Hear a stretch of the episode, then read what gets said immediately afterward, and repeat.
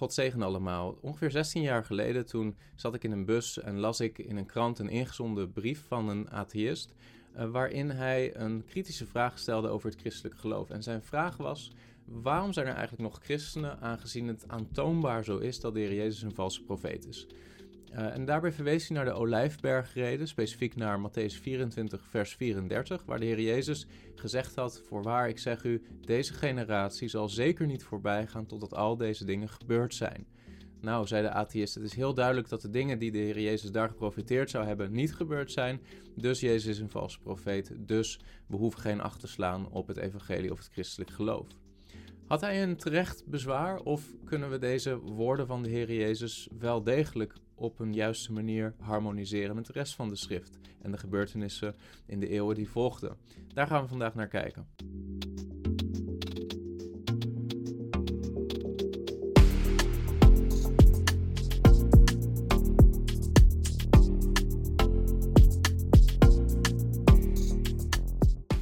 We hebben het hier over eschatologie. Eschatologie, dat is de leer van de laatste dingen. En eschatologie is een ingewikkeld onderwerp. Uh, het boek Openbaring bijvoorbeeld, um, de Olijfbergreden van de Heer Jezus, verschillende uitspraken in de brieven van de apostelen ten aanzien van de eindtijd zijn soms ingewikkeld te begrijpen. En er zijn best wel radicaal verschillende visies van verschillende christenen op die eindtijd.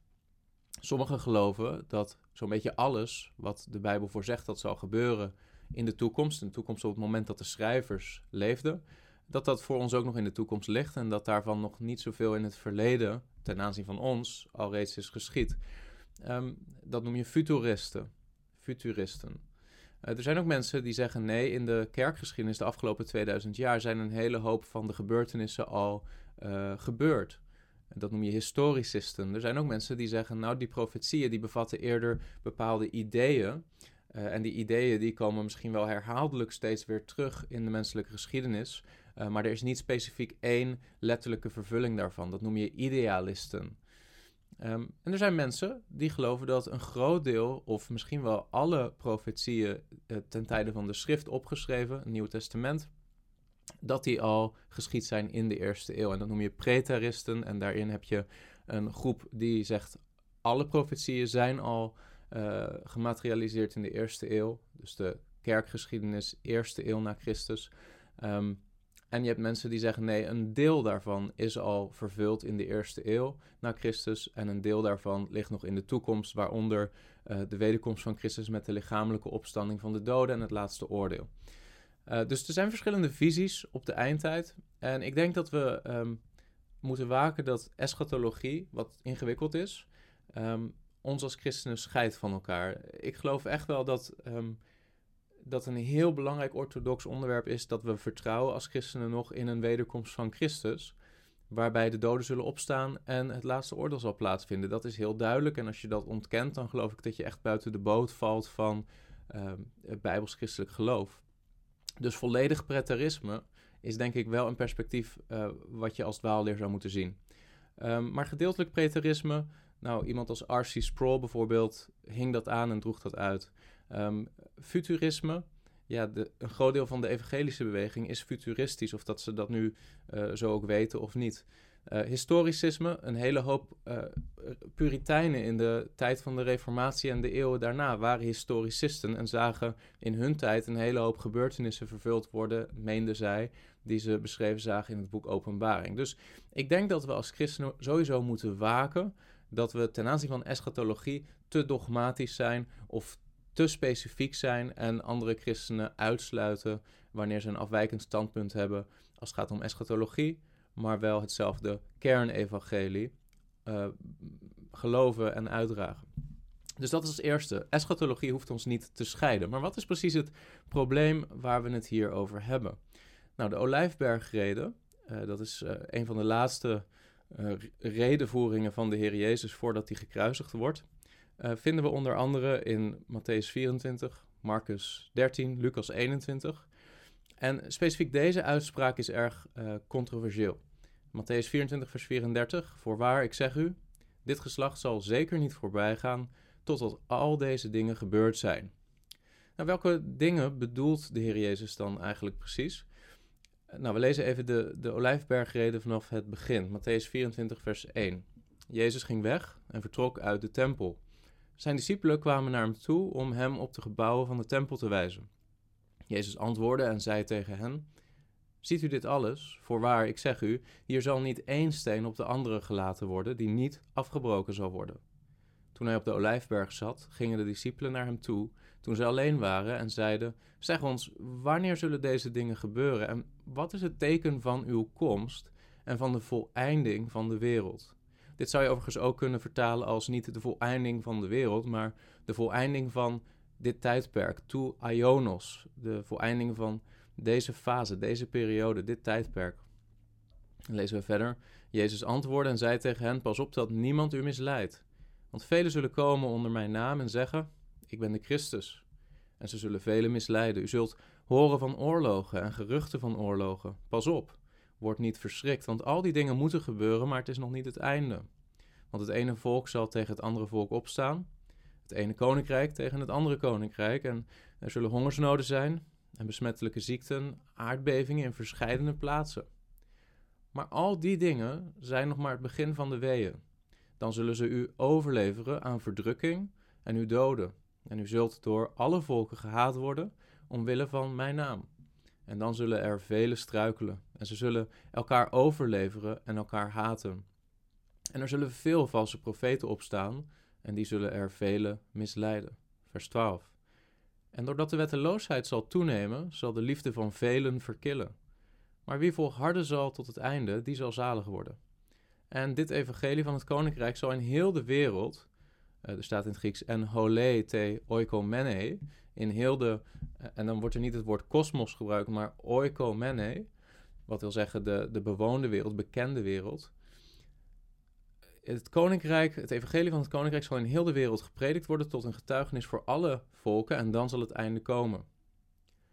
Vers 15, let goed op. Wanneer u dan de gruwel van de verwoesting, waarover gesproken is door de profeet Daniel, zult zien staan op de heilige plaats, laat hij die het leest daarop letten. Laten dan zij die in Judea zijn vluchten naar de bergen. Wie op het dak is, moet niet naar beneden gaan om iets uit zijn huis te halen. En wie op de akker is, moet niet terugkeren naar wat hij achterliet om zijn kleren te halen. Maar wee de zwangere en de zogende in die dagen. En bid dat uw vlucht niet zal plaatsvinden in de winter en ook niet op een sabbat want dan zal er een grote verdrukking zijn zoals er niet geweest is vanaf het begin van de wereld tot nu toe. En zoals er ook nooit meer zal zijn. En als die dagen niet ingekort werden, zou er geen vlees behouden worden, maar ter wille van de uitverkorenen zullen die dagen ingekort worden. Als iemand dan tegen u zegt: Zie, hier is de Christus of daar, geloof het niet.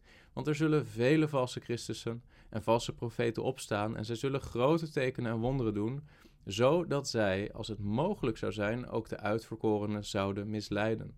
Zie, ik heb het u van tevoren gezegd.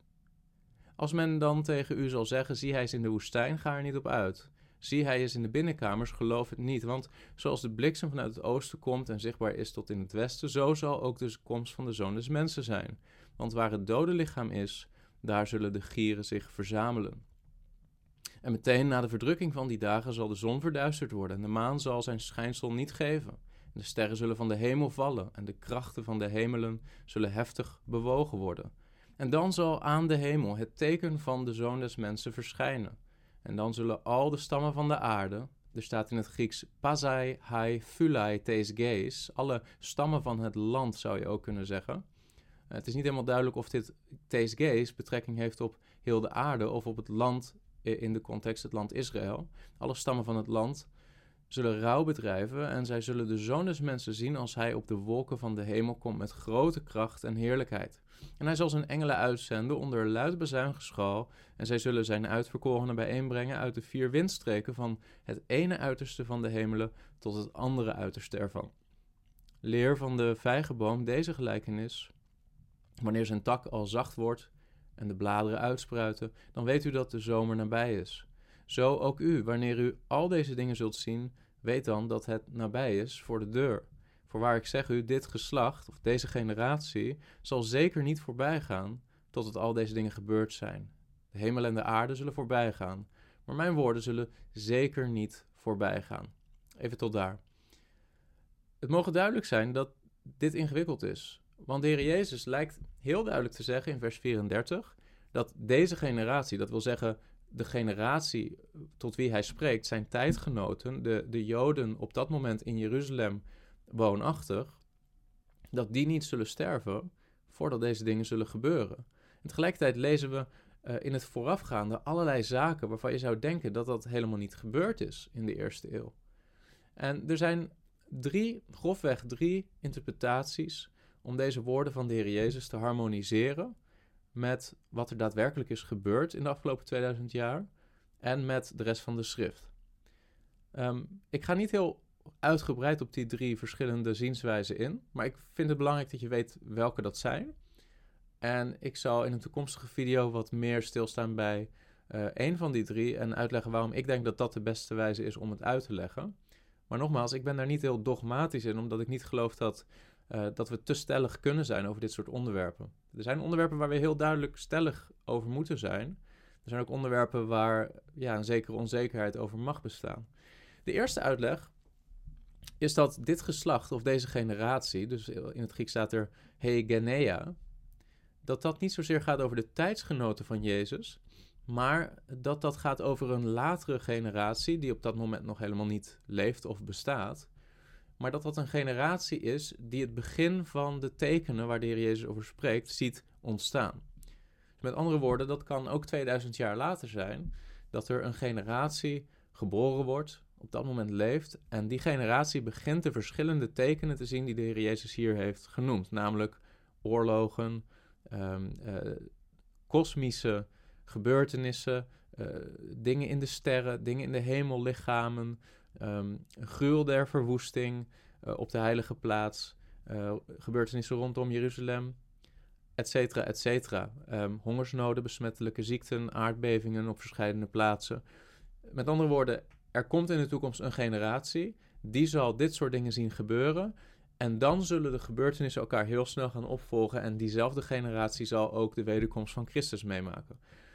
Dat is één zienswijze. En dan zeg je dus in feite: dit geslacht gaat niet over, of deze generatie gaat niet over Jezus' tijdsgenoten. Want in dat geval zou, als je het zo letterlijk ziet, zou eh, de Heer Jezus een valse profeet zijn. Dan zou die uh, iets gezegd hebben wat niet is gebeurd met zijn tijdsgenoten. Nee, zegt deze uitleg, dit gaat over een toekomstige generatie. Het gaat wel over een letterlijke generatie, maar het gaat over een toekomstige generatie. En een generatie is ongeveer 40 jaar, een tijdspanne van 40 jaar. Een tweede uitleg is dat nee, dit gaat niet zozeer over een letterlijke generatie of een letterlijke tijdspanne van 40 jaar, maar dit gaat over een bepaald soort mensen. Je zou strikt genomen het Griekse woord hegenea ook kunnen vertalen als dit soort mensen. En in dat geval gaat het niet over een generatie. Het gaat niet over een bepaalde tijdspanne. Het gaat over een bepaald soort mensen. En er zijn verschillende zienswijzen op wat de Heer Jezus dan precies zou bedoelen als je het zo interpreteert. Er zijn mensen die zeggen dit soort gaat dan over zondige, opstandige mensen, zoals uh, de verbondsbrekers, namelijk de Joden op dat moment die de Heer Jezus verwierpen en kruisigden, dat dat soort mensen tot het einde toe zal bestaan. En in dat geval zegt de Heer Jezus, zondige, opstandige mensen zullen er altijd zijn. Andere mensen zeggen nee, dit gaat niet zozeer over zondige, opstandige mensen, dit gaat over gelovigen. Gelovigen zullen er zijn tot het einde toe, totdat al deze dingen gebeurd zijn.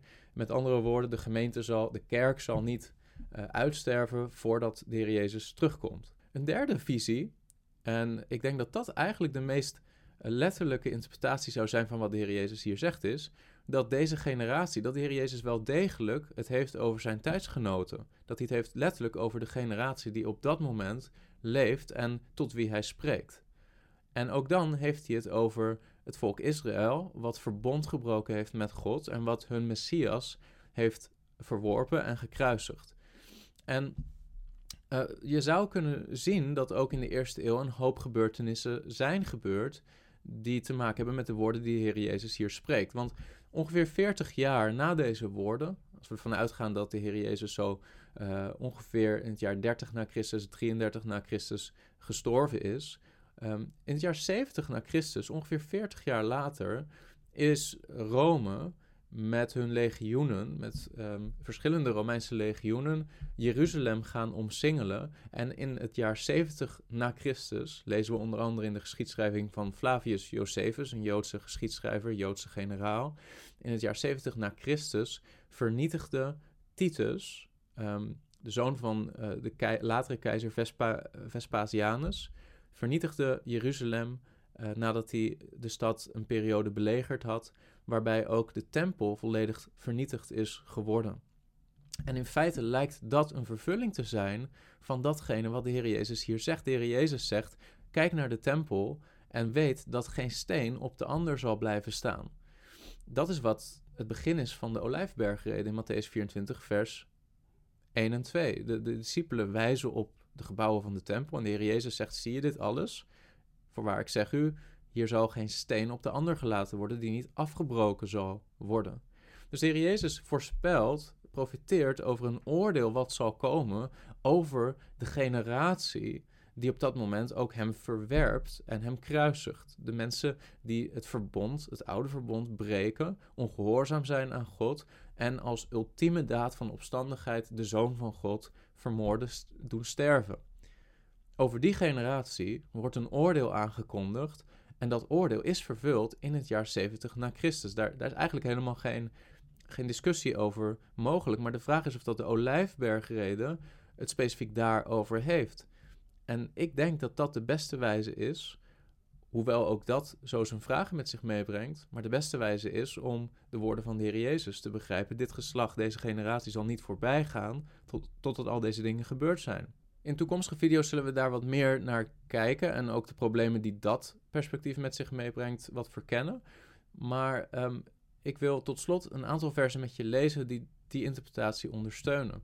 Want de Heer Jezus, een paar versen voordat de Olijfbergrede begint, spreekt tot Joodse leiders, schriftgeleerde fariseeën. En hij zegt vanaf vers 34 van Matthäus 23: Daarom zie ik zend profeten, wijzen en schriftgeleerden naar u toe, en sommige van hen zult u doden en kruisigen. En sommige van hen zult u gezelen in uw synagoge, en u zult hen vervolgen van stad tot stad, opdat over u al het rechtvaardige bloed zal komen, dat vergoten is op de aarde. En opnieuw staat er epithese gees, op de aarde of in het land.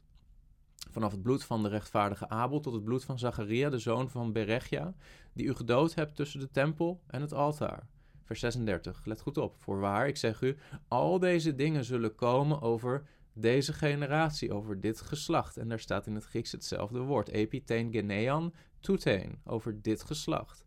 En dan zegt de Heer Jezus, Jeruzalem, Jeruzalem, u die de profeten doodt en stenigt wie naar u toegezonden zijn. Hoe vaak heb ik uw kinderen bijeen willen brengen, op de wijze waarop een hen haar kuikens bijeenbrengt onder haar vleugels, maar u hebt het niet gewild. Zie, vers 38, let goed op.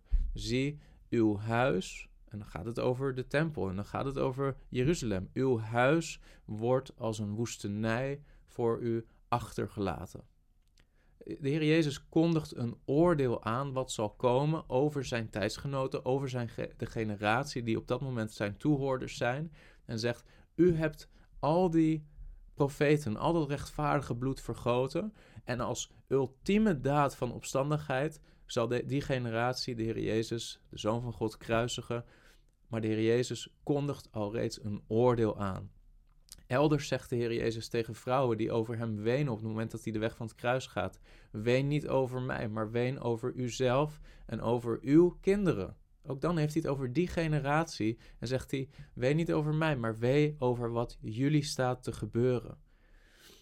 Voordat de Heer Jezus gekruisigd wordt, kondigt hij een oordeel aan wat zal komen over die generatie. En als je de geschiedschrijving, en daar wil ik je ook echt in bemoedigen, als je de geschiedschrijving van Flavius Josephus leest, uh, specifiek ten aanzien van de laatste jaren voor de vernietiging van Jeruzalem, zo tussen het jaar 60 na Christus tot het jaar 70 tot 73 na Christus, dan lees je over de vreselijke dingen die gebeuren in de stad Jeruzalem en hoe uiteindelijk de christenen omdat ze van tevoren al te horen hebben gehad van de Heer Jezus dat wanneer zij Jeruzalem omringd zullen zien door legers en wanneer zij zien dat de adelaars, en adelaar was overigens een symbool wat de Romeinse legioenen met zich meedroegen, hadden vaak zo'n uh, zo'n adelaar op een stok bij zich.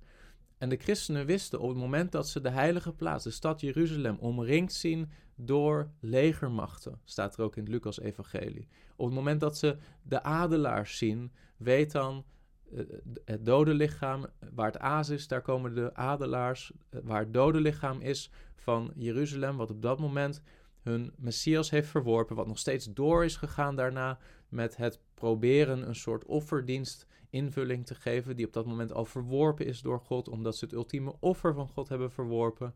Uh, er is een fase tussen het jaar 30 en het jaar 70 na Christus, waarin als het ware het oude verbond en het nieuwe verbond nog naast elkaar lijken te bestaan, terwijl God het oude verbond eigenlijk al verworpen heeft en vervangen heeft voor het nieuwe verbond. En in die fase zie je dat er een aankondiging is gedaan van oordeel door God en dat uiteindelijk ook de hele tempel vernietigd wordt in het jaar 70 na Christus. Dat betekent overigens niet dat er nog steeds beloften zijn van God voor het volk Israël. Maar ik denk dat je hoe dan ook mag zien dat, waar, dat deze profetie van de Heer Jezus niet iets is waar de christen zich voor zou moeten schamen, maar dat dit eigenlijk een heel sterk teken is van de goddelijkheid van de Heer Jezus Christus. Want alle evangeliën waren al geschreven voor het jaar 70 na Christus en bevatten dus al deze profetie van de Heer Jezus voordat Jeruzalem volledig vernietigd werd door de Romeinen. En je kan ook nog steeds afbeeldingen vinden van ehm, hoe er, er is een, een soort triomfboog van de Romeinen ten aanzien van hoe Titus uh, ook de kandelaar uit de tempel meevoerde, de heilige menorah meevoerde uit de tempel. Um, en dat is ook uh, een duidelijk bewijs van wat er gebeurd is destijds en hoe de gruwel der verwoesting op de heilige plaats heeft gestaan. Heel duidelijk bewijs dat de Heer Jezus' woorden niet zomaar um, een, een, een valse profetie waren of woorden die nooit in vervulling zijn geraakt, maar dat de Heer Jezus bevestigt de waarheid heeft gesproken over iets wat eigenlijk pas 40 jaar later zou gebeuren. En dus een profetie die ons juist meer vertrouwen geeft in de waarheid van de schrift in plaats van minder.